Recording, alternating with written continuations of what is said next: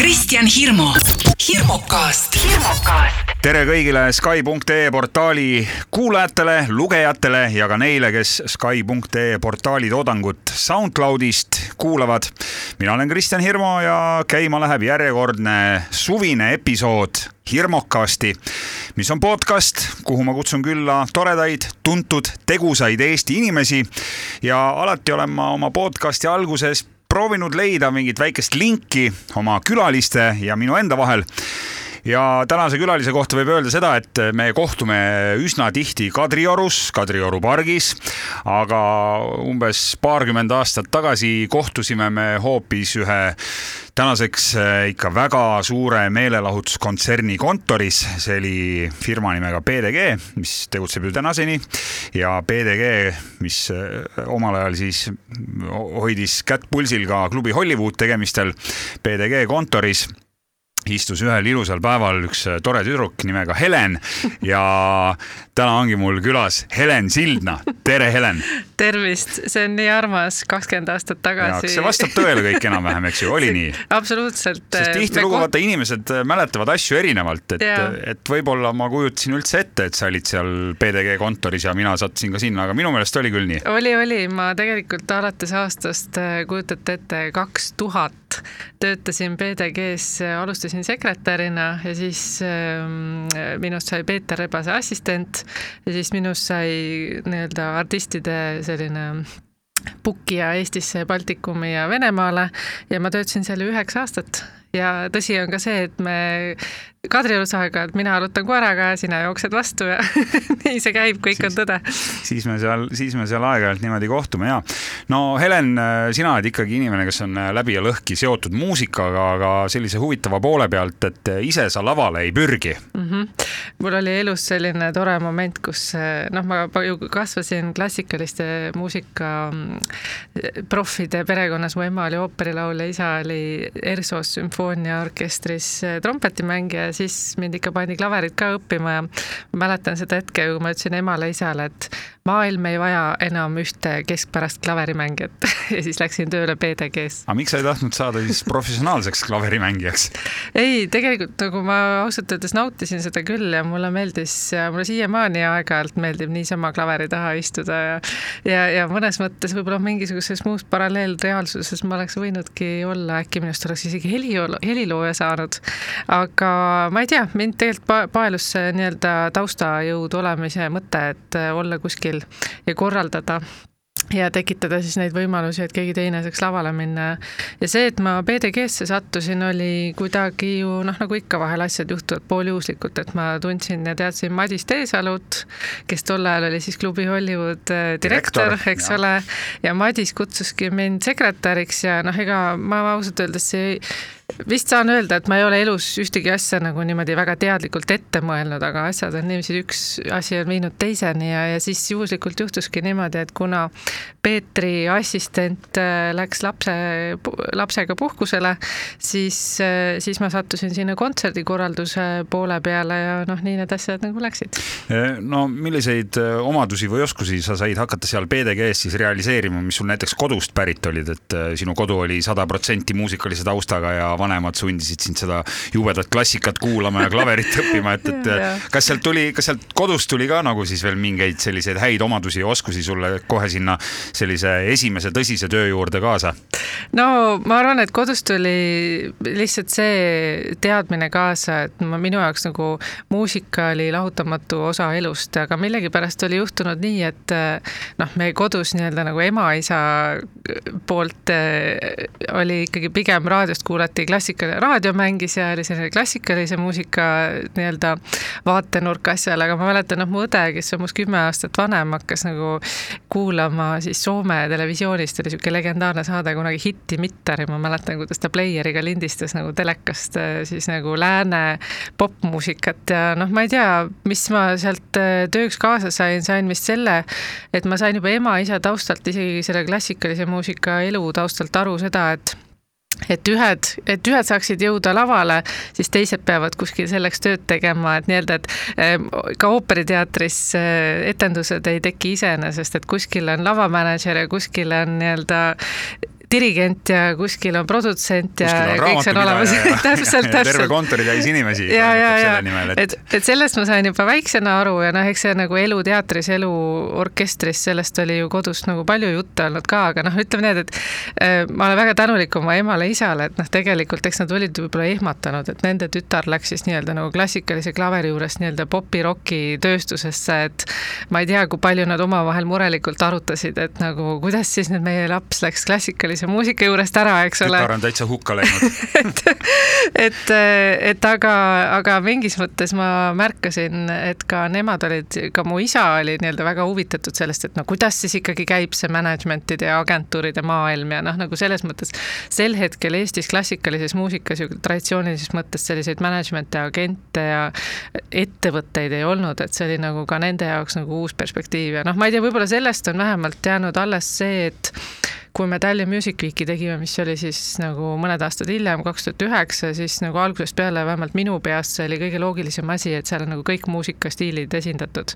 et, et seal on ikkagi klassikaline muusika ka, aga seal on nagu pop, rock, indie ja tantsumuusika ja kõik asjad, et et võib-olla siis ma kodust võtsin kaasa muusikaarmastuse, aga sellisel viisil, et nagu muusika on muusika, et nagu ei tee vahet. kõik on nagu oluline ja huvitav. oli sul peale muusika, ma ei tea, koolipõlves või on äkki tänase päevani veel mõni hobi või huvi või oli, või oli muusika ainult see kõik, kogu elu ja that's it? ei, mul on vist alati olnud nagu selline, ma ei oska öelda, kõlab nagu võib-olla niimoodi pooleldi naiivselt, aga selline maailmamuutja geen, et äh, ma juba keskkoolis, kahekümne esimeses keskkoolis käisin, siis äh, äh, olin selline õudselt aktiivne korraldasin igasuguseid mingeid kunstinädalaid ja mingeid jõulunädalaid ja igasuguseid asju, et nagu pigem mind on alati huvitanud see, et kuidas ma saan ise midagi teha, et mingisuguseid olukordi muuta. et äh, noh, mingis mõttes muusika on jah, see nagu kunstivorm, aga võib-olla mind kõige rohkem ikkagi paelunud on alati see, et kuidas mingeid protsesse juhtida kuidas olla osa sellest, et ähm, noh, saab muuta olukordade kulgu nii-öelda siis neid asju on, mida sa muuta tahaksid? no ikka on, see on see põhi, põhi käima tõmbav jõud. on, on ikka, aga noh, selles mõttes, et nagu me jõuame selle jutuga edasi sellesse PDG maailma, aga noh, sealt ma sain ikkagi ilmselt selle, selle julguse, et kui midagi tahad muuta, siis sul peab olema nii-öelda nagu noh, julgus mingeid asju ette võtta ja noh, võib-olla ma sain, ma olen tagantjärgi mõelnud, see on nagu tegelikult väga oluline omadus, et ma sain PDG-s üle staarikrambist et ma sain selle õppetunni õppetunni väga hästi selgeks, et inimesed on päriselt inimesed ja noh, nii-öelda nende sellised lava pe persoonad ei ole päriselt need, kes nad inimestena on. et noh, sellised nagu vahel nagu karikatuursete näideteni, et noh, see kuidagi eeldaks, et ma ei tea, Rammstein või Marilyn Manson, et nad on nagu tohutud lammutajad ja nad nagu äh, pealelõuna ajaviiteks viskavad ikka ka tele, telekaid aknast välja teevad midagi sellised, onju. aga tegelikult noh, võib-olla see oli selline, noh, ma tol ajal, kui ma PDG-s alustasin, ma olin ju põhimõtteliselt kakskümmend et, et noore inimesena mul oli tohutu privileeg selliste rahvusvaheliste karakteritega kokku puutuda ja avastada siis täpselt seda, et noh, ma ei tea, Marilyn Manson on kõige selline intelligentsem, introvertsem õhtusöögi vestluskaaslane või siis ma ei tea, nagu Rammsteini liikmed on nagu erakordselt viisakad, tähelepanelikud, nagu toredad inimesed, on ju. et ma hakkasin aru saama sellest, et ja hakkasin aru saama ka sellest, et see, kuidas mina nii-öelda, millise terekäe mina mina sirutan inimesele, et no tere tulemast siia Tallinnasse, eks ole, et kui ma lähen nagu julgelt naeratusega, siis tõenäoliselt ka nemad vastavad samaga, aga kui ma noh, A ei ole professionaalses mõttes oma asju korda seadnud, ma ei tea, millest ma räägin, aga ma ei suuda ka nendega suhelda normaalselt, et noh, siis ilmselt hakkavad asjad lappama ka, kas seal oli sellist nooruse uljust ka või, või sellist puhast lehte, et, et kui sa oleksid juba kuskilt nii-öelda madalamalt äh, astmelt alustanud, et siis võib-olla oleksid sa neid asju hoopis teistmoodi teinud? ei, kindlasti, ma olen tohutult palju, ma olen sellest nagu palju rääkinud ka, aga noh, on, ma tagantjärgi mõtlen mingeid asju, vaata, kus sa elu jooksul õpid aru saama, et nii need asjad ikka ei käi, et see ei ole nagu võimalik võimalik, aga noh, kuna ma olin kakskümmend ja oli pidevalt selliseid olukordi, et minul on siin bussis nüüd tulemas, ma ei tea, Elton John ja see lennuk peab ikkagi nüüd ootama, sest et see Elton Johni entourage peab sinna lennukisse jõudma, siis noh, helistad ja helistad nii kaua, kuni saad, ma ei tea, keegi annab toru piloodile ja saad öelda, et no. palun oodake hetk, onju. et, et selliseid olukordi oli päriselt olemas ja üks kõige kurjuussem oli vist see, kui mul õnnestus orgunnida eh,, ma ei tea, oli see nädalavahetuse päeval E, Vene saatkond Berliinis ja oli vaja viiekümnele Marilyn Mansoni tuuri liikmele korraldada Vene viisad nagu kahekümne nelja tunniga ja oli vaja, et saatkonnas konsul tuleks nädalavahetuseks tööle selleks nagu puhuks onju. noh, täna, kui ma olen äh, paarkümmend aastat edasi, ma arvaks, et see küll ei ole normaalne asi üldse, mida küsida kelleltki nagu aga õnneks ma siis tol hetkel ei teadnud ja kuidagi nagu pressisin selle idee nagu läbi et äh, Peeter Rebane siis põhimõtteliselt usaldas sulle ikka no sellised kõige mm, -hmm. kõige rängemad ja raskemad tööd, aga, aga teisest küljest oli siis sellist fun'i ka ja suurte staaridega otse kokkupuuteid, et et mis need, mis need, mis need tööd siis veel seal PDG-s mm -hmm Peetri assistendina sul olid? no ma olen seda ka hästi palju tagasi mõelnud, et noh, nüüd kui ma ise juhin ettevõtet ja festivali, et ma vist kõige rohkem tänulik olengi selle eest, et Peeter päriselt niimoodi usaldaks. ma ei tea, kas mina, mina ilmselt ei, ei julge nii noort inimest usaldada selliste asjadega. sa oled ise kontrollifriik. ma olen ise kontrollifriik ja ma väga üritan treenida, et mitte olla aga eks seal oli nagu ilmselt see taju ka, et noh, Peeter on ju tark inimene, eks ole, Harvardis ka psühholoogia psühholoogiat õppinud, et eks ta tajus ju ka, et järelikult nagu sa usaldad seda, kes nagu võtab selle vastutuse, et kui ta oleks tajunud, et see kogu aeg kukub põrandale plärtsi maha, see ülesanne, mis anti, et siis ta võib-olla ei oleks nii nii, nii hästi usaldanud ka, aga noh, ma ei tea, ma kuidagi võtsin seda loomulikuna, et kui mina pidin lahendama need olukorrad, siis see, et ma läheks nii-öelda Peetrilt abi paluma, selleks pidi nagu ikkagi midagi väga pahasti olema, et ma püüdsin ikka asju ise lahendada. ja noh, eks see nii-öelda piltlikult külma vette viskamine pani ikka nagu aju tööle. kas sa hakkasid ühel hetkel siis konkreetselt ise ka artistide, agentidega esinemisi kokku leppima, sikutama neid siia Eestisse, ma ei tea, mujale riikidesse, Baltikumi, kus PDG siis kontserte korraldas? jaa, just, just oligi nii, et noh, ma, ma mäletan seda väga hästi, kui ma sain Peetri assistendiks, siis oli selline esimene tööprojekt oli midagi sellist, et Peeter ütles, et ta peab nüüd paariks kuuks äh, Ameerikasse minema ja noh, ei ole regulaarselt kättesaadav, aga näed, et kahe nädala pärast meil on siin nende kolme artistiga, siis tol korral olid vist, ma ei tea, Him, Alphaville ja keegi veel, et tulevad siin meil Lätti, Leetu, Kaliningradi ja ma ei tea, Kiievisse siin on need kontaktid, siin on need bändid, eh, nendel kuupäevadel peab toimuma, igas nendes riigis on mingid eraldi tiimid, suhtle nendega, vaata, et see kõik juhtuks, on ju. ma, ma vist, ma, ma vist kaks nädalat ei maganud ühelgi ööl, ma olin tõesti kabuhirmus ja ma ei saanud üldse põhimõtteliselt aru, mis ma nüüd pean tegema, aga no närisin läbi sellest bändid esinesid ja kontserdid bändid, toimusid. bändid esinesid ja kontserdid toimusid, et, et noh, eks, eks seal oli kõvasti sellist eh, arusaamist nagu ka hakata aru saama, et ka need töökultuurid on väga erinevad, noh, meil oli ju veel see lugu, et PDG-s äh, noh, ju olid partnerid Soomes ja Rootsis, et tuli nii-öelda suhelda agentidega kas USA-s või UK-s, äh, siis tuli koordineerida, ma ei tea, partneritega Rootsis ja Soomes ja siis tuli vahendada kogu seda infot ja projekti ja kontserti siis nagu Lätti, Leetu või Venemaale või kuhu parajasti oli vaja. ja noh, hakkasid nagu märkama ka see, et töökultuurid on väga erinevad ja noh, nii-öelda nagu, et see, mis, kui keegi ütleb, et sellega on kõik kontrolli all, et noh, see võib väga palju erinevaid asju tähendada ja noh, avastamist oli seal küllalt no meelelahutus äri ja show business, sellest ikka räägitakse, et see on seks, draaks ja rock n roll, et kui lähedalt sa nende kolme teemaga kokku puutusid tollel ajal? No eks ma olen ikka näinud kõike, et äh, selles mõttes. Äh, et jumal tänatud, et siis ei olnud igal inimesel taskus telefoni, mis filmib ja pildistab. absoluutselt äh, ausalt öeldes tõesti ei kujutaks ette jah, et aga noh, ei loomulikult eks ju tuli ka noorest peast iseenda jaoks nagu selgeks teha enda roll selles mängus nii-öelda, et ma sain päris ruttu aru sellest, et kui ma tahan olla nii-öelda proff ja töötada selles elus nagu pikalt nii-öelda nagu professionaalina, siis mina pean jääma nii-öelda professionaalseks et noh, mis iganes, loomulikult nagu inimestega tekkis nagu huvitavaid vestlusi ja pidutsesime ja suhtlesime ja mõnedega jäime ka pikemalt suhtlema, aga noh, nii-öelda see profiks olemise koodeks nagu jooksis sinna sisse ja no ma mingis mõttes nagu sain aru ka sellest, et eriti kuna ma olen noor tüdruk Ida-Euroopast onju, et siis ma pean hästi nagu tähelepanelik selles osas olema, et kas mind võetakse tõsiselt kui nagu koostööpartner või noh, ma olen lihtsalt nagu selline tore lõbus noor tüdruk onju.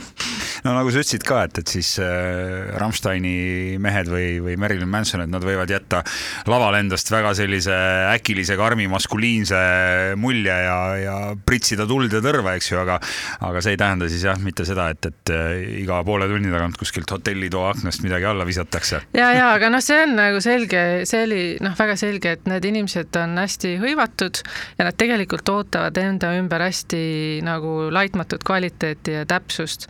et võib-olla selline täpsuse ootus äh, sai ikkagi PDG-st koolitati sisse, et noh, põhimõtteliselt nagu kui see oli see, see konkreetne väga faktiline hetk, et kui noh, sel kuupäeval, sel kellaajal maandub sulle eralennuk ja sealt astub välja näiteks noh, oletame Elton John on ju, siis ei huvita mitte kedagi pärast, et kas buss jäi hiljaks või sa ei saanud seda hotellituba, mida nad tahtsid või noh, nagu selles mõttes, et ma õppisin jube noorelt selgeks selle, et igasugused vabandused, et miks ei saanud midagi ikka tehtud või miks ei jõudnud õigeks ajaks või miks ikka ei leidunud täpselt sellist, ma ei tea, lillebuketti nagu küsiti, nagu need huumorijutud on raideritest on ju, staaridest. et, et ma kunagi ei viitsi rääkida sellest, et kui eriskummalised on artistide nõuded, sest minu meelest see on kõige loomulikum, et noh, iga artist tuleb tuurile, ta lihtsalt tahab sedasama elukvaliteeti jätkata, millega ta kodus harjunud on, on ju.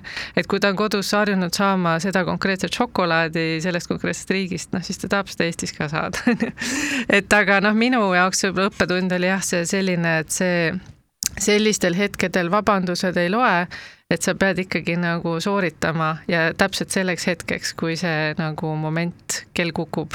et see noh, tihti ju küsitakse, et miks festivali business näiteks või kontserdikorraldus business on äh, nii stressirohke ja on ju tehtud maailmas igasuguseid edetabeleid ka, et kui sa, ma ei tea, Ameerikas iga aasta tehakse sellist uuringut, et mis on maailma kõige stressirohkemad äh, tööd, et seal number üks on need äh, um, firefighters ehk siis äh, tuletõrjujad, tulijad, vabandust.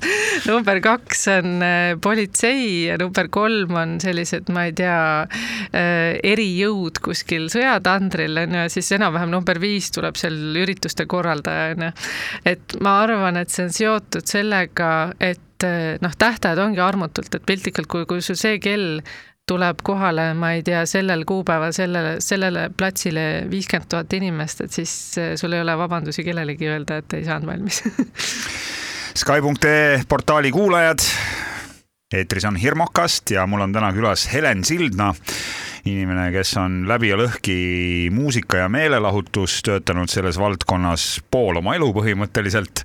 ja no sa jõudsid juba otsapidi selle ka minu jaoks hästi huvitava teemani, need on need staaride nõudmised ja raiderid ja, ja miks sinna pannakse ainult sinist värvi M&M-se teinekord ja, ja, ja kas need, kas need nõudmised siis tõesti, no ühest küljest me saime juba teada, et, et äh, artist tahab ennast tunda hästi ka siis, kui ta on juba kolmesaja kuuekümne viiendat päeva tuuril ja kodust ära mm. -hmm. aga kas seal on tihtilugu ka selliseid äh, jaburaid nüansse või ma olen ka kuulnud seda, et näiteks artist ütleb, et kuulge, come on, et, et ma ei teagi, et mul selline asi Raideris on, et mm, -hmm. et mhm. kust need, kust need asjad tekivad ja kust need tulevad?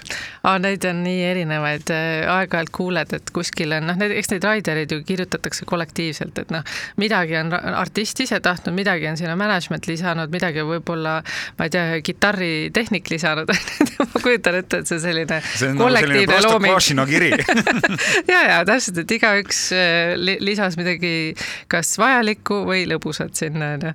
et äh, noh, igasuguseid asju on, et äh, vahel on kuulda, et mõni on meelega sinna nagu noh, kogu see M&M-si lugu, ma arvan, see on niisugune tore linnalegend, aga aga väidetavalt keegi management oli li lisanud siis tõesti selles, et nad tahavad M&M-si komme, mis on ainult helesinised või ma ei tea, ainult kollased või mis iganes see oli. kontrollida, et kas et kontrollida, kas loeti läbi see see Raider, eks ole. ja siis, ja siis noh, need on ka hästi erinevad, et noh, ma hakkasin Taipoga vist seda, et näiteks Ameerika artistide turvalisuse raiderid on tohutud, et sa alati mõtled, et nad on nii üle mõelnud, et me oleme harjunud, et noh, siin Eestis on tegelikult nagu väga turvaline ja. meil on vaja kuut suurt musta värvi Cadillaci džiipi. kuulikindlaid ja. mootorrattureid mm, -hmm. helikoptereid. ja, ja täpselt ja kuidas samamoodi, kuidas noh, nii-öelda see lavatehnika turvalisus peab olema, mul ei lähe kunagi meelest ära, kui oli ükskord pidi Aerosmith esinema A Le Coq'ar seal A Le Coq'i staadionil. paistab siit meie aknast. paistab siit ja oli väga tuuline ilm ja siis Ameerika mänedžer pidas seda lavakonstruktsiooni ebaturvaliseks ja siis oli vaja tunni aja jooksul põhimõtteliselt mõeldi välja, siis Peeter oli ka ja tuli appi, et nagu, et kuidas see lava nagu trossidega kindlustati, et ühelt poolt kindlustati mingisuguste tsementplokkidega, teiselt poolt keegi tõi kuskilt traktori, et nagu panna lihtsalt need mitu tonni nagu selle lava toestamiseks ühele-teisele poole. no selline nõudmine, ma ütleks, et on ka põhjendatud, aga, aga võib-olla tõesti, et, et kui sul ei ole seda kuue tärniga šampanjat, eks ju, et mm -hmm. selle asemel on viie tärniga šampanja. kas on olnud selliseid asju ka, et, et midagi jääb tegemata, täitmata või tuleb läbi rääkida või, või tuleb äh, management'i või, või agentuuriga nii-öelda kaubelda, et meil lihtsalt puhtfüüsiliselt ei ole võimalik sellist asja Raiderisse panna? ja no ma, see kõik on nagu ka pigem see küsimus, et noh, ikka oli alati asju, et sa pead leidma siis asendusi, nutikalt mõtlema, mida asendada.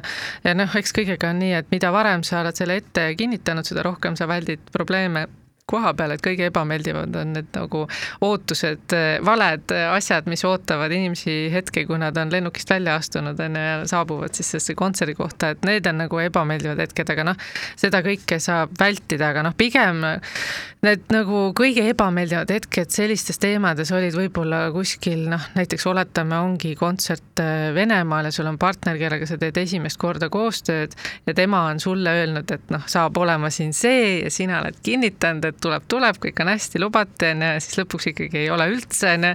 noh, see vahendaja rollis olemine on selles mõttes nagu noh, selline väga triki värk, et aga samas noh, ma saan aru, et ka need agendid ja mänedžerid on teatud mõttes ju vahendajad, nemad on omakorda vahendavad seda olukorda selle kontserdikorraldaja ja siis artisti vahel.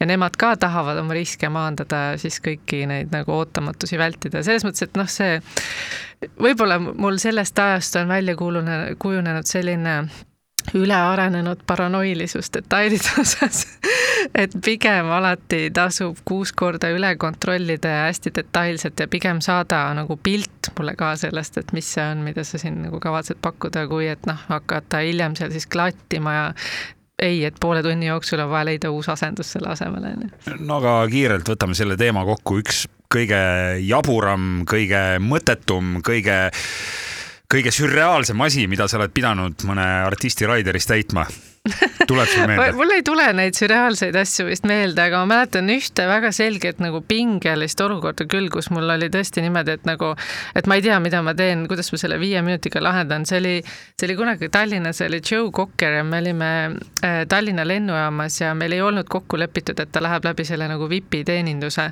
Ja tema mänedžer ja Joe Cocker seisavad minu kõrval ja mänedžer ütleb, et nüüd Joe Cocker tahab minna sinna VIP-salongi ja siis sa ütled, et okei okay,, aga me ju andsime teada, et noh, meil ei ole see kokku lepitud, seda ei ole, seda nagu ei ole meil arrange itud. ei, ta tahab nüüd minna, et make it happen, et me hakkame juba jalutama, tee nii, et viie minuti pärast, kui me sinna ukse juurde jõuame, siis see oleks korraldatud siis sul on nagu niimoodi korraks nagu, siis ainus, mis sa saad teha, on öelda selles hetkes jaa, okei okay, ja siis sa tead, et sul on viis minutit, et nagu see kõik nagu välja mõelda kas sa sellepärast hakkasidki korraldama Tallinn Music Weeki, kus ei esine nii suured staarid ja kellel ei ole nii kõrgeid nõudmisi? ei, tegelikult äh, ausalt öeldes nagu ma ei tea, mina olen vist seda tüüpi inimene, et sellised asjad tekitavad mu sportlikku hasarti, et see on natuke selline, challenge accepted.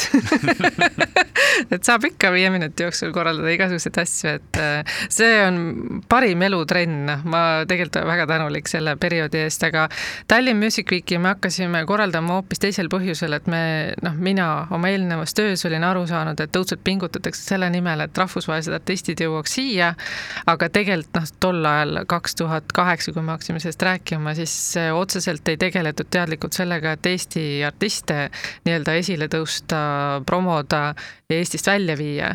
et noh, nii-öelda selle üheksa aasta jooksul, mis ma olin PDG-s, ma olin teinud täpselt seda teistpidi loogikat, et pingutama õudselt, et rahvusvaheline staar jõuaks siia aga seda vastupidist mulle tundus, et nagu keegi ei tee ja mida rohkem ma olin suhelnud meie kolleegidega näiteks Põhjamaades, noh, ma ei tea, Island ja Rootsi ja Taani ja Soome ja Norra, kõik nemad, ma vaatasin, mis seal tehti, siis mulle tundus, et noh, siin on lihtsalt nagu väga konkreetselt mingi lõik, mis äh, vajab tegemist. see on see peenväljend nimega muusika eksport, eks ju? just. jah ja., et sina võtsid siis enda südameasjaks äh, selle, et Eesti artistid pääseksid ka siit äh, meie väiksest mikroriigist kuhugi väljapoole mm. -hmm. ja see noh, meid oli ju palju, kes me sel teemal rääkisime, vestlesime ja seda asja arutasime. ja noh, just nagu lähinaabrite kõrval oli väga selgelt näha, et äh, ma sain aru sellest loogikast, et see, seda ei tule aktsepteerida kui paratamatust, et lihtsalt nii on, et noh, võib-olla siis Eesti ongi nii väike riik, et ei olegi võimalik. et kui mul on kõrval hea kolleeg Islandist, kes ütleb, et meil elab siin kolmsada kakskümmend tuhat inimest, aga noh, meil on Björk ja meil on Sigur Ross ja meil on igasuguseid asju. ja, ja need ongi kaks, kaks ainukest, eks ju. nojah, aga siiski. eks seal on teisi seal ka on teisi ka, no kas, kas ja no seal on ja, nagu. kolm asja ka nimi. ma olen kusjuures seal... peaaegu et kõiki neid ise ka laivis näinud, kusjuures mitte Eestis mm,. No, mis tähendab siis seda, et see ei ole ainult mingi nii-öelda meie ja Islandi vaheline värk, et nad, need artistid päriselt ka esinevad üle, üle maailma. no sa rääkisid ka seda, et sa üritasid ju siin äh, ansamblile Himm mingeid kontserte mm -hmm. PDG ajal book ida, et, et soomlastel on ju samamoodi olemas see Himm, Rasmus ja ega seal mm -hmm. noh, Taruud oli neil väga kõva. Nightwish ja. et, et, et aga, aga miks siis Eestis ei ole selliseid artiste või ei olnud tollel ajal selliseid artiste, kellega oleks mhm. üldse mm -hmm. võimalus olnud kuhugi välja minna? no ma ikka ilmselt äh, tuleb siin tagasi vaadata ajalukku, et noh, kui tegelikult äh, Põhjamaades popi ja roki tööstused äh, hakkasid arenema, ma ei tea, seitsmekümnendatest saadik onju, siis noh, mul on küll ja küll kolleege, et noh, minu, minu hea sõber ja mõnes mõttes nagu mentor Tabi Korjus, kes just äh, tähistas nagu viiskümmend aastat in the business on ju, kes on täna seitsmekümne aastane, on äh, ka, kui ta oli juba, ma ei tea, kaheksateist, hakkas seal Soomes korraldama igasuguseid äh, kontserte ja noh, on vedanud seda asja, tal on tõesti inimesed selles riigis, kellel on olnud, ma ei tea, viiekümne ja seitsmekümne aastane karjäär selles business'is. et see on ajaloo küsimus, et noh, meil ju loomulikult legendaarsed inimesed, Jüri Makar, Makarov, kes hakkasid äh, muusikatööstuses tegelema, aga täpselt ikka ka eelkõige selle mõttega, et tuua rahvusvahelist artisti siia. et see, see ei tule kunagi lihtsalt nagu ühe aastaga ammu, mitte kunagi, see ei tule ka viie aastaga, tuleb nagu dekaadide paika kaupa tegemiseks. siin ei ole see kapitalistliku maailma mudel, et on äh, üks turg ja siis on nõudlus ja on pakkumine ja, ja lihtsalt nende artistide järgi ei ole nõudlust. ei tea, turgu tuleb tekitada ja vaata, minu meelest artistidega on ju nii, et äh, mida mina olen märganud ja mis on kõige võib-olla suurem ja vaimustavam saavutus, on see, et äh, vaata, Eestis tehakse aina paremat muusikat ja ma isiklikult arvan, et äh, see motivatsioon teha paremini on väga selges sõltuvuses sellest, et kas sul on väljundit. ja kuna Eesti on väike, siis noh, see on täpselt nii, et nagu ühel suvel sa annad näiteks siis kümme kontserti ära ja noh, sul ei olegi kuhugi mujale enam rohkem tuuritada, et see, see ring saab täis. aga et artistid üldse saaksid oma muusika tegemise ja laivi andmise kvaliteedilt areneda, siis neil on vaja nagu laiemat mängumaad, et on vaja neile anda seda väljundit, kui see motivaator on olemas, siis nad on motiveeritud kogu aeg nagu paremini treenima nii-öelda. see on ja ikkagi siis... selline nagu pika oma jooks ja siis Tallinn Music Week võiks olla nagu see platvorm, kust anda artistidele seda väljundit ka ja seda ja. nii me oleme mõelnud. muidugi Tallinn Music Week ei ole ainus platvorm, aga noh, ma ise olen, ma õudselt usun sellisesse nagu rohu, rohujuure tasandi töövõimsusesse, onju. et sa pead pidevalt kogu aeg hästi mitmega tegelema, et lõpuks nagu näiteks kümme sellist väga edukat saaksid äh, maailma jõuda. et sellega, et kümme saaksid olla edukad, tuleb teki-, tegeleda sajaga. no aga Tallinn Music Weekil ma võin nüüd eksida, aga ma ei näe Liis Lemsalut ja Taukarit ja ma ei näe seal Tanel Padarit ja Smilersit ja Shannonit ja ma ei tea, kas ma Nublut näen. et äh, miks siis need artistid ei ei pürgigi Eestist väljapoole või ei ürita seda rahvusvahelist läbilööki, et kas nad on mugavad või, või, või milles on asi? või, või Äh. miks, miks, miks sa siis nii-öelda Tallinn Music Weekiga nende artistide eest ei võitle?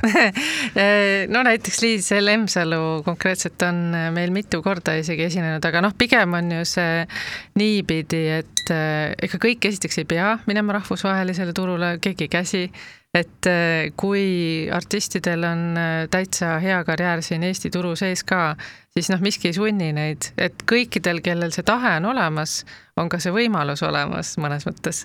aga noh, Tallinn Music Week ei ütle vaata kellelegi ära, et sa ei sobi seda me ei tee kunagi, et pigem on küsimus selles, et kas see artist ise nagu viitsib pingutada selle nimel, noh, on juhtunud ju ka väga palju seda, et noh, ütleme nii, et sellises nagu küpses eas artist, kes ühel hetkel otsustab, et tegelikult tahaks küll tuuritada ja kui teda vaatab vastu siis see reaalsus, et sa nagu sellise nagu väga kokkuhoidliku eelarvega oma tuuribussi topid kõik kola sisse ja tegelikult hotellideks raha ei ole ja mängid nagu väikestes klubides üle näiteks Ida-Euroopa. just, just on ju, mängid näiteks kolmekümnele kuni viiekümnele inimesele noh, pubides, eks ole, üle, üle Euroopa, siis nagu noh, juhtub ka seda, et mõned lihtsalt ei ole valmis selleks ja mõned, see on täiesti arusaadav, see on nagu mingi asi ka võib-olla, mida sa mingit, mingis vanuses nagu teeksid ja mingis vanuses näiteks juba ei tee, onju. no aga täna minu meelest äh, vähemalt see, mis puudutab popmuusikat maailma mastaabis,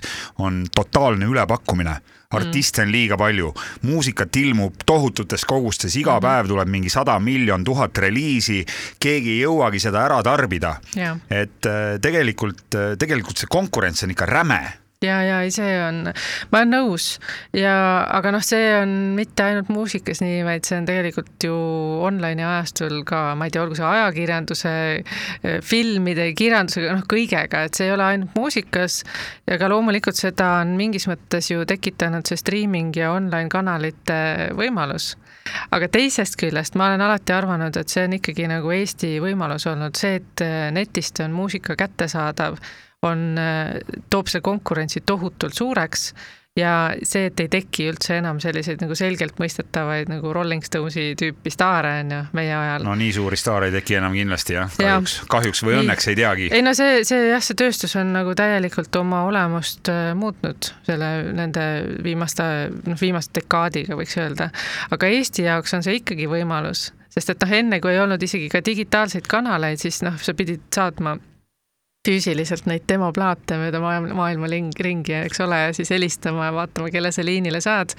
aga noh, nüüd ikka, kui sa suudad selle momentumi tekitada, no kasvõi näiteks Nublu, et kui keegi vaatab, et no siin on mingi Eesti artist, kellel on uuel videol nii palju vaatamisi või võtame Tommy Cashi, noh, eriti hea näide, kes on suutnud täieliku fenomeni endale sellest teha, et ta lihtsalt teeb õudselt ägedaid videosid ja selle vastu hakkab huvi olema, et noh, selline tüpaaž nagu Tommy Cash, ma ei usu, et sellel nagu vana tööstuse ajastul niiviisi oleks esile tõusnud, et noh, see on nagu hea ja halb, ta ei ole kumbki, et ta on nagu mõlemat. Tommy Cash oli hea näide, sellepärast et Tommy Cash jõudis eelmisel aastal Tomorrowlandi lavale, mis on maailma, noh, võib öelda top-notch, üks kõige suuremaid festivale, ma olen ise mitu korda seal käinud, sellel aastal võime võib-olla siin veel põgusalt rääkida, kuidas Tomorrowland sellel aastal toimus, aga, aga, aga no ega ta ei esinenud ka seal kuskil oma nimega headlinerina, et teda lihtsalt kutsuti nii-öelda kampa tegema ühte lugu, et, et millal tuleb selline korralik Eestist pärit ma ei tea, pop või indie või alternatiivartisti läbilöök, et nüüd me näeme ja kogu maailm plahvatab ja kõikidel on põlved tagurpidi nii armas. no selles mõttes minu meelest need läbilöögid on alati nagu ju mitmeetapilised, et noh, juba see, et ma ei tea, Trad Attack saab tuuritada ühe suve jooksul, ma ei tea, viiekümnes erinevas riigis, noh nüüd praegu koroona ajastul ei saa keegi tuuritada niiviisi, onju. et tegelikult see on juba suur läbilöök aga see, et noh, ma ei tea, kui, kui mõelda, et kas mõni Eesti artist on piltlikult äh, tuleviku Coldplay või ma ei tea, tulin just autoraadios enne mängis Coldplay, seepärast mainin. et ei oska öelda, aga see on nii paljudest asjadest sõltuv ja see on nagu tihti ka juhusest sõltuv. aga samas minu arust juhusega on selline asi, et see, mida me siin Eestis saame teha, on pidevalt äh, tõsta selle juhtumise või see juhuse tõenäosust me ei saagi nagu juhuseid tekitada, aga me saame selle juhuse tõenäosust tekitada ja siis nagu kuidas pidevalt nagu tõstes neid erinevaid artiste erinevate inimeste tähelepanu orbiidile noh, vaata nagu need lood on ju selles mõttes nii toredad ja lõpuks noh, sa kuuledki, et noh, ma ei tea, kasvõi Everton The Two Dragonsit nägi kunagi legendaarne see Sire Recordsi asutaja, kes ma ei tea, Madonnagi leidis lihtsalt ühel festivalil ja siis hakkas jälgima seda bändi onju et see vahel nagu, sa mõtled, et need on sellised nagu fantastilised juhused, aga lõpuks ikkagi nii-öelda see bänd pidi olema seal nähtav, et keegi pidi ta olema sinna korraldanud, kuidagi ta, kuidagi ta pidi olema sinna selle inimese orbiidile alla nagu sattunud. no tänapäeva maailmas, noh, loomulikult ka varasematel perioodidel, eks kontaktid ja suhted panevad ikkagi kõik lõpuks paika, et kas sul on mõni Tallinn Music Weeki edulugu ka rääkida, et no näed, et siin Tallinnas käis mingi mingi eriti tähtis onu või tädi kohal ja ta nägi seda artisti ja pärast seda uu, kõik läks heaks kohe. ei no neid edulugusid on hästi palju ja noh, ma ei tea, lihtsalt need kaks tükki juba said eh, mainitud, Triad Attack ja Everton the Two Dragons, et need on ikka, ma usun, et võib öelda paljuski meie meie kaudu leitud kontaktide kaudu ka arenenud, et noh, kasvõi Triad Attacki agent eh, Juliana Voolas, kes on fantastiline inimene, ka, ka artist leidis oma agendi nii-öelda siitkaudu. aga noh, sealt edasi, et iga, igal pool on väikseid noppeid, Maarja Nuut ja Kadri Voorand ja ka Nöpp on saanud kontakte siitpoolt, et noh, nipet-näpet, igal pool see hakkab hargnema. aga nad on aga... ikkagi sellised nagu nišiartistid, eks ju, mm. Trad Attack ja Maarja Nuut ja Kadri Voorand, et mi, no, nad, mi... nad, nad ei ole sellised suured klassikalises mõistes mm -hmm. popartistid nagu Katy Perry või Coldplay või noh muidugi ei ole, aga jah, aga ma mõtlen, tegelikult see on selline huvitav valem ka, kuidas vaata, see rahvusvaheline edu hakkab tegelikult nagu genereerima ka kohalikku siin Eestis eh, toimivat karjääri. Et noh, kas me oleks kujutanud keegi ette, et ma ei tea, kasvõi viis aastat tagasi, et meil on Eesti artistid, kes suudavad Saku Suurhallis esineda, onju et äh, no, isegi see. suudavad, iseasi on palju sinna publikut kohale. seda ma mõtlengi, jah, jah, ma, õigem oleks siis öelda nagu Saku Suurhalli välja müüa, onju. et äh, no tegelikult kümme aastat tagasi, kui me Tallinn, noh, Tallinn Music on nüüd kaksteist aastat äh, toiminud, onju, tol hetkel see, et isegi no ma ei tea, tuhandepealist publikut Eesti artistid müüksid välja, noh, oli väga üksikud. aga see, et nüüd ikkagi Eesti artistid on juba siinsete regiooni festivalide headlinerid just nagu juba see on nii kõva sõna. ja siis, kui on toimunud see rahvusvaheline huvi, siis on nagu kohaliku publiku toetus, bänd oskab suurtel lavadel olla, esineda, ta teab, kuidas seda kommunikeerida, noh siis on see juba next level asi, et äkki siis tuleb nagu see Coldplay tase ka kunagi. No meil on veel üks selline huvitav tore segment, võin öelda, et isegi minu isiklikust tutvusringkonnast nagu elektroonilise muusika produtsendid ja DJ-d, kellest nii mõnigi on ka tegelikult ju maailma mastaabis teinud väga korraliku läbilöögi, noh, alustame siin Vadeva, Madison Mars, Syncool, aga nendega suheldes eh, tihtilugu kutid ise ütlevad, et neid nagu see Eesti turg ja Eestis toimuv üldse ei huvita mm, -hmm. sest nemad fokusseerivad oma tegevuse ainult eh, Eestist väljapoole ja, ja siis kuidagi jääbki selline mulje, et, et, et kodumaal on nad nagu kuidagi vaeslapse rolli jäänud, sest neist ei räägita. Eh, keegi ei kirjuta sellest, et ma ei tea, Madison Mars tuuritas Austraalias või Syncool mängis Tomorrowlandil mm., küll räägitakse sellest, et mõni teine bänd või orkester esineb kolmekümne mõnes Ida-Euroopa pubis. et kust selline paradoks tuleb?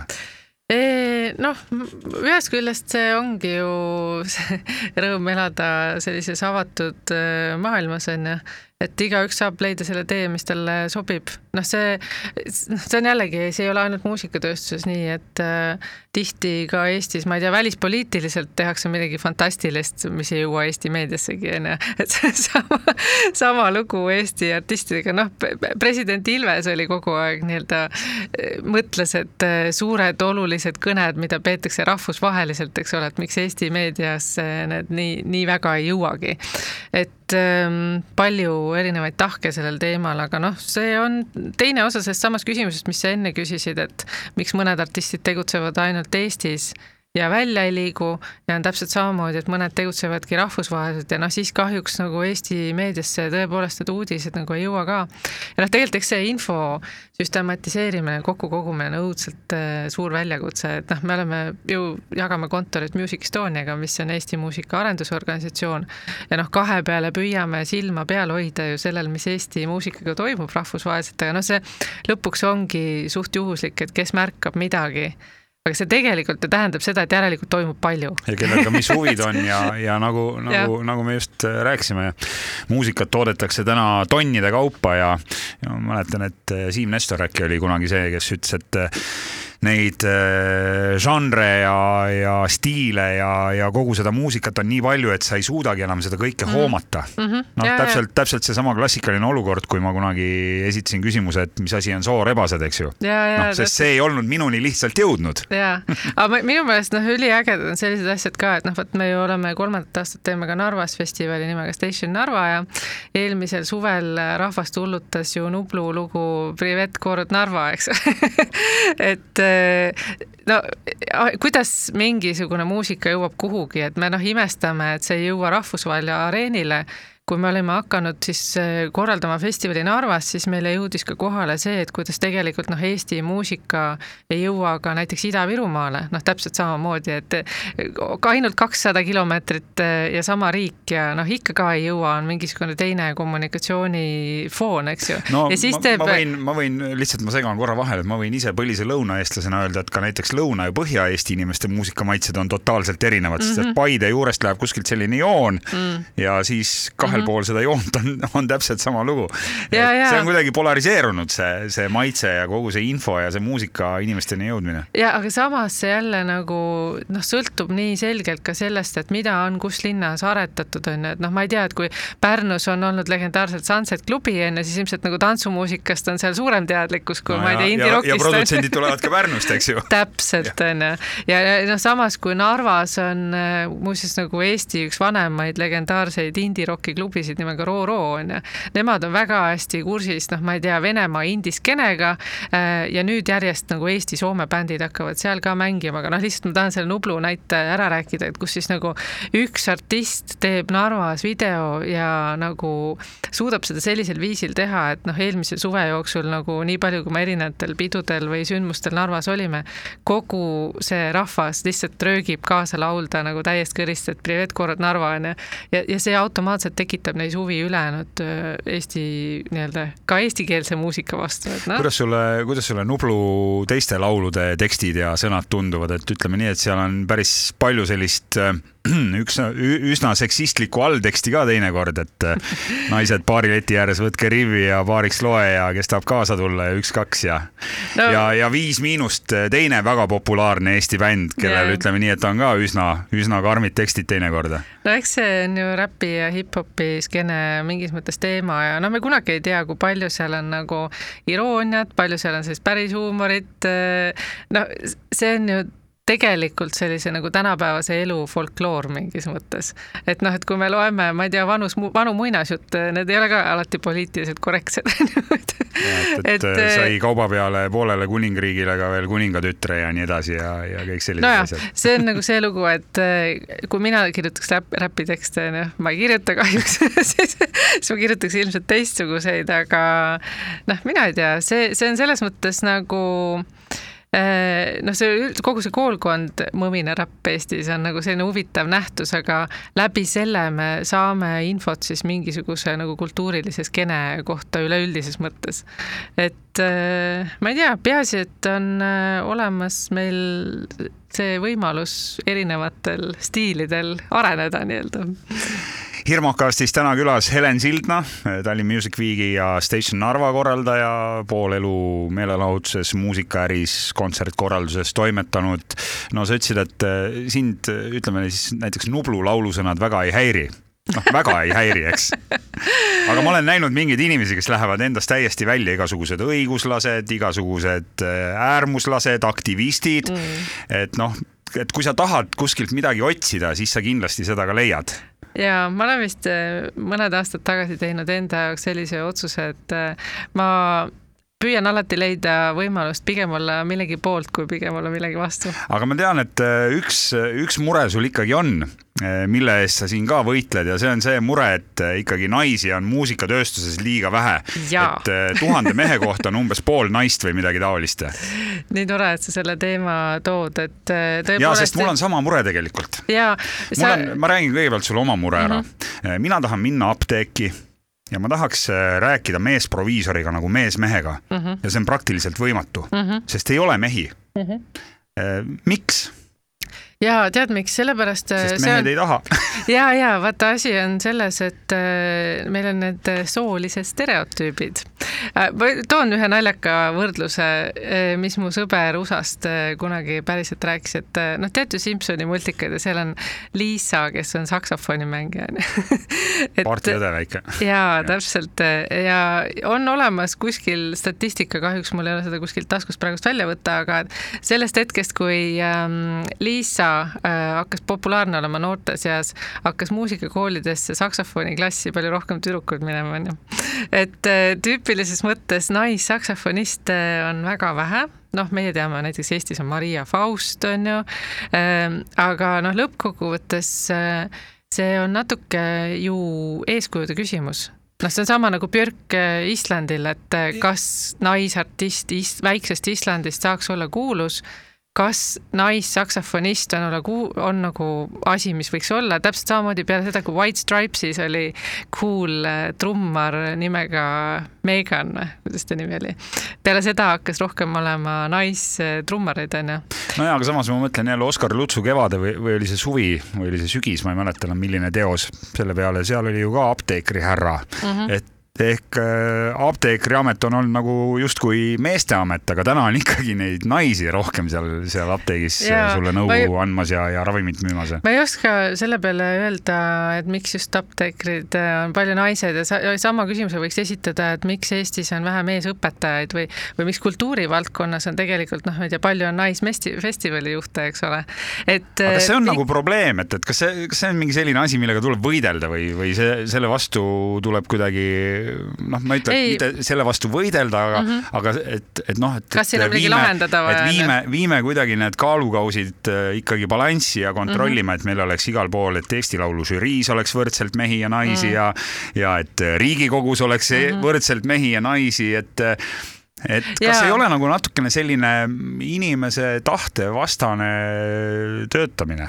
ja ei, pigem nagu seda, see loogika on, ma arvan, selles, et et oleks, kui keegi tahab, et tal oleks võimalus, noh, point ei ole siin kedagi sundida, aga noh, ju tekitab küsimusi, et miks on nii, noh, Eesti, me teame, on Euroopas palgalõhe top üks riik, eks ole, nii, aga no tekitab küsimusi. võin öelda, et Helen praegu vaigistas mind žestiga, et ma ei hakkaks vastu vaidlema. ei, ei, ma tahan jätkata ja, lihtsalt, aga, aga kogu selle, selle juht, nagu jutu mõte on pigem see, et kas ühiskond võidaks tervikuna sellest rohkem, kui meil oleks eh, ka poliitikas rohkem naisi, mina isiklikult väidan, et võidaks, kas ühiskond võidaks sellest, et meil oleks eh, juhtivatel positsioonidel ettevõtetes rohkem naisi, kas ühiskond võidaks oleks rohkem naisheliloojaid, DJ-sid, produtsente äh,, ma ei tea, kitarritehnikuid. ja, ja trummareid, eks ole.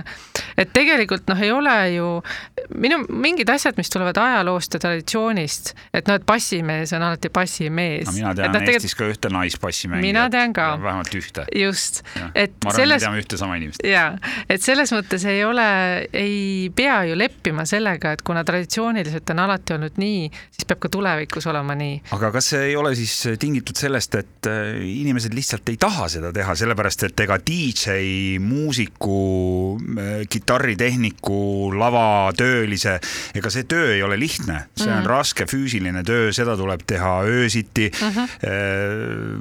noh, midagi ei ole teha, artistil peab olema, olema ka mingi kaubanduslik väljanägemine, teada on, et mehed käivad duši all ära, kuivatavad rätikuga pea ja, ja võivad, võivad nii-öelda lavale minna aga naist, naistel on vaja föönitada, teha kõiki. ja ma tean ka mõnda naist, kes ei föönita.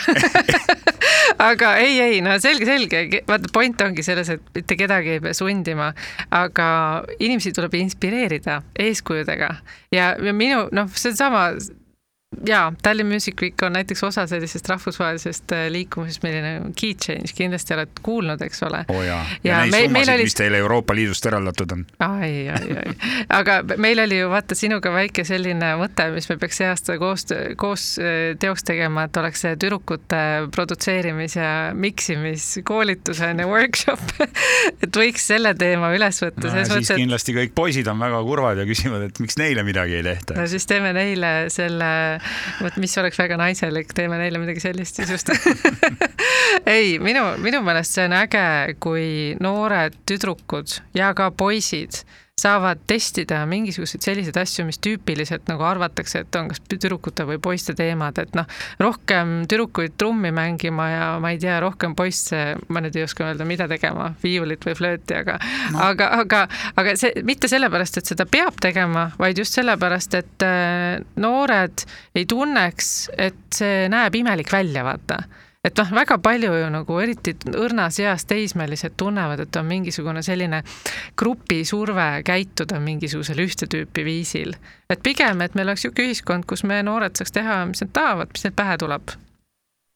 et oma, oma nii-öelda tulevikku ise disainida no ma loodan, et äh, see ei ole nüüd maailma kõige suurem mure, et meil on meelelahutuses ja, ja muusikatööstuses liiga vähe naisi, sellepärast et tegelikult on maailmas palju-palju suuremaid ja palju, palju teravamaid ja palju olulisemaid probleeme ja kindlasti seda meeste ja naiste ebavõrdsust on ju mingites riikides, ma ei tea, sadades kordades rohkem kui meil siin, aga, aga no tore, et sa selle teema eest võitled ja, ja ma tean, Helen, et sa nagu, sa oled, sa oled selles mõttes selle teemaga noh kohe südamest sina peal, et, et ma soovin sulle selles võitluses jõudu ja jaksu. nii armas, aitäh sulle, aga ma lihtsalt korraks ütlen, et eh, ma arvan, et ma isiklikult arvan päris siiralt, ausalt, et maailm võidaks küll sellest, kui meil oleks tarku, nutikaid, empaatilisi naispoliitikuid ja juhte ma arvan tegelikult päris ausõna, et äh, maailm muutuks sellest paremaks. nii et me peaksime hoopis tegema mingi väikeste tüdrukute poliitikaringi. absoluutselt, see, äh, see oleks mul vägagi hingel ja meeldiks mulle äh, millal sa siis ise poliitikasse lähed ja millal sinust saab Eesti Vabariigi kultuuriminister? oi, nii armas, nii tore. mul ei ole olnud ausõna plaani minna poliitikasse. aga sa võiks. aga ma olen olnud alati seda meelt, et eh, kultuuril on hästi suur roll, et nii-öelda ühiskonnas midagi ära teha. et minu noh, mingis mõttes ma ise tajun, et ma olen ju ka poliitikas, ilma et ma oleks parteipoliitikas, mulle meeldib nii mõelda. aga kui me nüüd räägime poliitikast üldises mõttes, siis äh, ma arvan, et äh, siin tuleb nagu väga palju üldse mingeid asju ringi mõelda, et see see ei ole mitte ainult Eesti probleem, vaid globaalne probleem, et me oleme natuke nagu nurka mänginud ennast selliste nagu kinnistunud kontseptsioonidega, et kes on vasakpoolne, kes on parempoolne ja nii edasi, et tuleks nagu leida põhimõtteliselt mingi uus viis asjadest rääkida me sa, nagu. sa ikka oskad nii ilusasti rääkida, tead, et sa, sa kohe sobid sinna poliitikasse kas ma ja, ja. kuulan, kuulan, kuulan sind ja tead, mesi jookseb ühest kõrvast ei, sisse ja teisest välja. aga kas sa ei ole minuga nõus, et vaata, noh, see vestlusväli on nagu selline miini, miiniväli, et kui keegi ütleb nagu, ma ei tea, sõna konservatiiv või liberaal, siis on juba tegelikult see vestlus nagu läinud natuke nihu. no eks ta on jah, ja eks see, eks see poliitika on täna ju tegelikult ka laias laastus justkui nagu mingi äri ja, ja äri, äri teatavasti, kui sa oled lugenud äh, Phil Knighti raamatut Jalajälg. ma ei ole kahjuks. seal ta ütleb väga hästi, et äh, äri on sõda ilma relvadeta mm.. noh, poliitika on natukene sama, samasugune nähtus mm.. aga veel sellest, äh, mehed, naised, ma sellel suvel jälgisin sedasama suurt festivali Tomorrowland, millest täna juba korraga juttu oli mm. -hmm festival toimus siis sellel aastal digitaalselt tänu sellele olukorrale maailmas ja mulle väga meeldis, kuidas festivali pressikonverentsil Austraaliast pärit DJ duo Nervo, mille moodustavad siis kaks õde mm., kuidas nad ütlesid, et pressikonverentsi läbi viia, küsisin nende käest sama küsimuse, et noh, mis te arvate, et kuidas äh, mehed versus naised, äh, kõik see showbiz ja DJ maailm teie meelest tundub ja, ja nad ütlesid, et, et tegelikult, tegelikult on hästi palju naisi tulnud juurde, on tulnud juurde nais-DJ-sid ja nagu ka sa ise, võin ka omast kogemusest öelda, tegelikult telgitagustes toimetab naisi ikka väga palju jaa, aga no näiteks seda ma küll mäletan, noh, me rääkisime siin minu ajaloost, on ju. ma mäletan seda, et kui ma olin kakskümmend ja ma hakkasin nendel esimestel, olid legendaarsed sellised konverentsid Londonis, mille nime oli International Live Music Conference ja olles kahekümne aastane noor naine Ida-Euroopast, no ma arvan, et seal ruumis, kus me vestlesime inimestega, oli kuskil, ma ei tea, seitse protsenti naisi seal olid ikkagi sellised nagu viie, viiskümmend pluss äh, onud. mehed, onud, onud., onud, just täpselt niimoodi, et seal ei olnud mitte ainult see, esiteks ka probleem, et ei olnud naisi, vaid ei olnud ka noori see on hakanud kõvasti muutuma, noh, selles mõttes, et see muusikatööstus, millesse mina sisenesin kahe tuhandete alguses, oli ikka nagu päris nagu selline võib küll öelda šovinistlik ja, ja vägagi selline äh, keskmise eluea poolt nagu sinna äh, noh, kuidas nagu aja, ajalukku kaldu. ekvaatorist teisele poole. ja, ja midagi sellist äh, no aasta kaks tuhat kakskümmend on ju tegelikult kogu selle show business'i ja meelelahutuse ja kultuuri ja artistide jaoks täiesti erakorraline aasta, sellepärast et kõik lõigati justkui nagu noaga suured festivalid jäeti ära või siis toimusid nagu Tomorrowland digitaalselt, muideks äh, ma võin öelda, et neil läks üsna hästi, sellepärast et äh, nad müüsid suhteliselt odavaid pileteid, mhm. kakskümmend eurot mm, -hmm. mille eest sai siis festivali nii-öelda digitaalse ligipääsu ja rohkem kui miljon inimest üle terve planeedi. et käivet tehti päris korralikult. no Tallinn Music Week nüüd ütleme nii, et kui, kui nüüd veel midagi ei plahvata, siis, siis toimub ja, ja toimub ikkagi päris füüsiliselt, aga, aga kuidas sa näed selliste suurte kriiside mõju üleüldse sellele ärile ja kogu sellele kontsertkorraldusele ja festivalide toimumisele, et kas tõesti me võime tulevikus ära unustada suured mitmesaja tuhande inimesega üritused, kuhu voolab kokku rahvast üle terve planeedi? mm. -hmm. Ja suured küsimused, esiteks mind muidugi kohutavalt huvitaks, et kas sa ise sellel Tomorrowlandi digitaalse passi ostsid ja kuidas see kogemus oli, sest et noh, tegelikult noh, mis on nagu esimene suur küsimus Tallinn Musicil ka on ju tegelikult hübriidkonverents ja festival sel aastal. Ja, ja noh, me oleme selle pandeemia ajal väga palju näinud seda, kuidas artistid leiavad endale võimaluse noh, teha oma kodust erinevaid live stream'e ja, ja neid erinevaid kogemusi inimestele pakkuda, aga noh, mul on selline tunne, et esiteks sellel tööstusel on tohutult palju õppida, et milline see digitaalne meelelahutus nagu on ja mis see kogemus endast nagu välja kujutab, et kas, kas sa said no, mingi erilise kogemuse sellest ma võin kahe-kolme sõnaga öelda, et noh, tegelikult kõik artistid esinesid mm, -hmm. ehk siis DJ-d mängisid oma sette. setid olid Green Room stuudiotes siis üles filmitud ja kogu, kogu muu maailm oli siis sinna nii-öelda digitaalselt ümber joonistatud mm. -hmm noh, ta nägi välja siis nii-öelda nagu live stream mm, -hmm. aga sellises eh, tehiskeskkonnas ja sinna juurde olid lisatud siis eriefektid, rahvakisa, inimeste Aha. kaasalaulmine ja, ja, ja muud sellised nõksud, et noh, tegelikult millega seda festivali ikkagi müüdi, oli see, et, et noh, pakuti siis nii-öelda eksklusiivseid artistide sette mm -hmm. ja, ja seda, seda ägedat mm -hmm. visuaalset lahendust mm. -hmm. ja ei no selles mõttes noh, sa ise oled ka artist ja ma kujutan ette, et sa noh, tajud ju väga selgelt nagu alati, kui publik on sinu ees, et see, see energia läheb seal päriselt mängima, et noh, sa ju tead no,, et see, see aplaus on. see on kahtepidi liiklus jah, et, et, et üks asi, üks asi on mängida oma setti kuskil nelja seina vahel ja. kaks korda kaks. ja teada, et keegi on salvestanud aplausi. aga, aga teine asi muidugi olla ja, päris ja. laval. aga, see... aga, aga ma mõtlen seda, et, et noh, kas me hakkamegi nüüd tegema nii, et äh, mingid suured asjad lüüakse mm -hmm. tükkideks, ma saan aru, et Tallinn Music Week ka, sellises ei, mahus ei toimu no Tallinn Music Weekil on selles mõttes nagu meie kasuks on lihtsalt sel hooajal rääkinud see, et me oleme seda tüüpi festival, et me oleme alati toimunud väikeste saalidega erinevates asukohtades, et me mahutame sel hooajal nii-öelda nende piirangute konteksti. meil ei ole ühes hetkes mitte kunagi rohkem kui noh, ma ei tea, tuhat viissada inimest ühes ruumis koos. et seetõttu noh, meie oleme saanud jätkata ja edasi toimuda ja noh, ei ole võrreldav, ma ei tea, kasvõi Flow festivaliga Soomes või positiivsusega Lätis onju. aga noh, see, et mis saab edasi, siin on nagu hästi palju erinevaid tahke eh, isegi kui nüüd näiteks nagu võimalikult ruttu maailmas leitakse vaktsiin, siis noh, kõik teadlased ju räägivad seda, et kuna sekkumine looduskeskkonda sageneb, siis selliste viiruste puhangute tõenäosus üldse globaalselt sageneb ja mida rohkem me oleme globaalselt üksteisega seotud, seda rohkem noh, me teame, kuidas see Hiinast ju levis.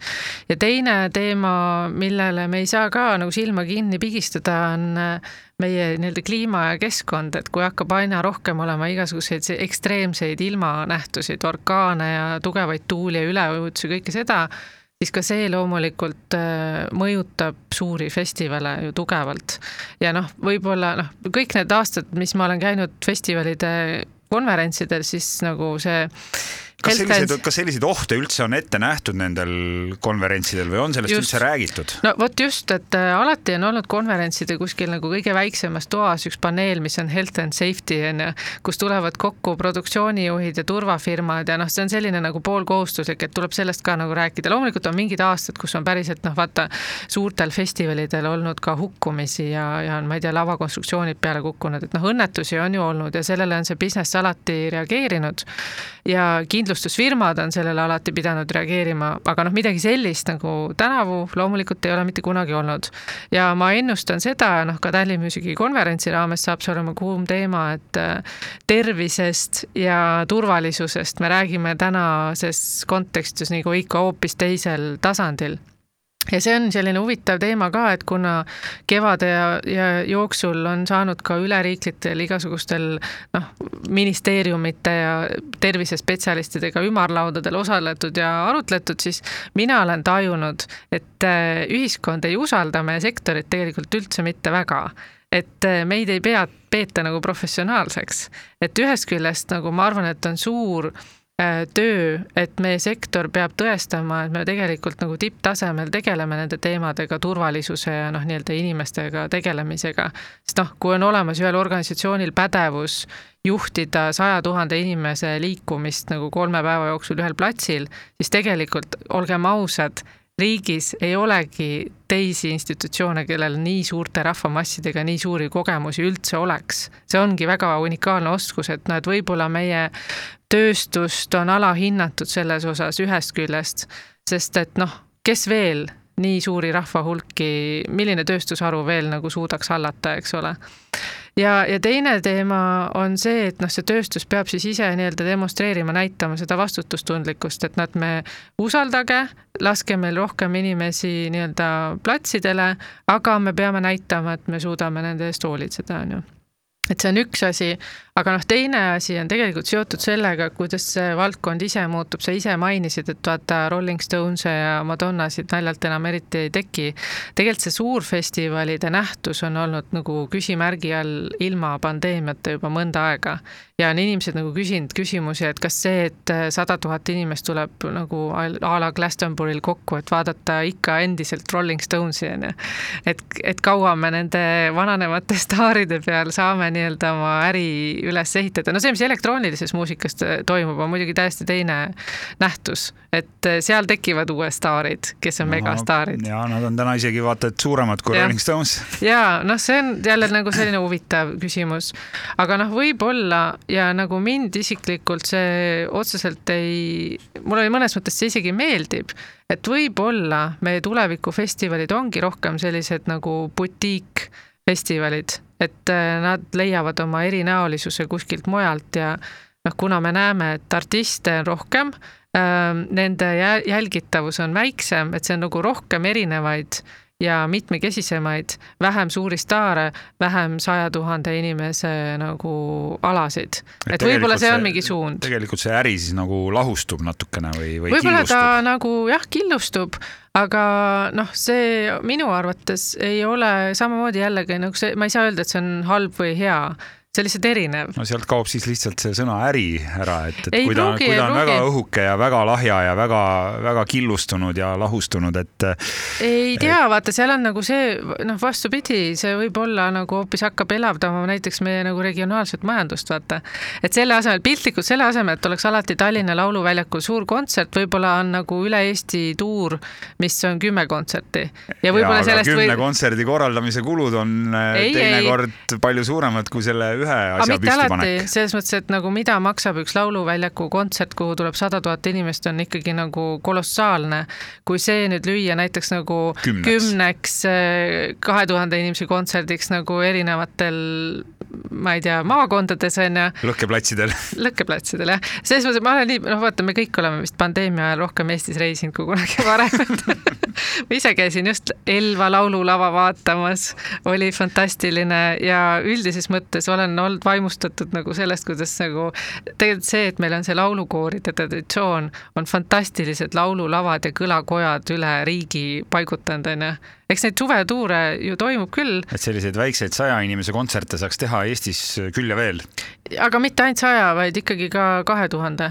ma konkreetselt käisin El-, Elva minu uus äh, tõeline lemmik ei, ma ei olnud ammu Elvas käinud ja seal on, äh, vaata EV saja raames toimus see linnaväljakute korrastamine, seal on nagu järve äär kõik korda tehtud ja kogu see linn on nagu, ma ei tea, ta on nagu Nõmme, Haapsalu, Pärnu pari, parim kombinatsioon versioon. Ja muuhulgas on seal ka imeilus äh, lauluväljak, noh, kuhu kindlasti kaks tuhat inimest mahuks nii et sina, sina arvad, et äh, see, see asi nii-öelda võetakse natukene väiksemateks tükkideks, aga kõik see jätkub? raske ennustada, aga seda trendi noh, näitab seesama lugu, et staare enam ei teki esiteks ja seda trendi teki, näitab ka see, et inimesed äh, reisimise mõttes teevad oma otsuseid teistmoodi. noh, tänapäeval vaata, see ei ole enam see, et sa lendad ühte sihtkohta ja oled selles ühes suures hotellis. inimesed teevad oma valikuid palju teadlikumalt mingite blogide ja soovitajate ja Airbnb-de ja mis iganes kanalite kaudu. et ma arvan, et inimeste käitumine mõjutab seda kõige rohkem. et noh, ma näen ja kuulen aina rohkem, no näiteks minu muusikatööstuse tuttavad, kes nagu veel kümme aastat tagasi tulid Lauluväljaku kontserdile, nüüd nad tulevad Eestisse linnu jälgimist tegema. Birdwatching, uus kuum teema et äh, mul on selline tunne, et äh, see, kuidas inimesed hakkavad rohkem otsima sellist nagu unikaalset, väiksemat, autentsemat kogemust, hakkab loomulikult äh, mõjutama ka meie seda meelelahutus- ja kultuurimaailma. Aga elame veel selles no maailmas. kindlasti elame veel ja nagu no ütleb Reet Linna kindel see, et elame veel ja noh, ütleme nii, et minus võib-olla tärkas ja meie tiimis selle pandeemia ajal nagu pigem see tung, et äh, ei, me tahame ise otsustada, ise teha, me oleme valmis olema vastutustundlikud, me saame aru nendest riskidest, mis meid ees ootavad, aga see ei ole, me ei saa ennast välja lülitada elust nii-öelda, et, et me, me ikka tunneme väga tugevalt, et me saame inimestele ikka midagi väärtuslikku pakkuda. just, ja see on tore, et äh, paljude inimeste jaoks ka mingid väärtused on saanud täiesti uue tähenduse mm -hmm. sellel keerulisel ja, ja raskel ajal hirmukast tänaseks läbi, mul oli suur hea meel võõrustada siin Helen Sildnat, aitäh Helen, et leidsid aega kiirel Aitäh. ajal läbi tulla. sinuga on alati väga meeldiv vestelda. sa oled väga-väga tark ja haritud inimene ja selliste inimestega on alati tore koos aega veeta. hirmukasti saab kuulata Sky.ee portaalis, saab kuulata seda ka SoundCloudis ja järgmisel korral juba järgmine uus ja loodetavasti sama huvitav külaline. aitäh sulle, Helen! suur tänu, mul oli väga tore, aitäh, et kutsusid. hirmukast. Kristjan Hirmu ja külalised, kel alati midagi öelda. kuula hirmukasti portaalis Sky.ee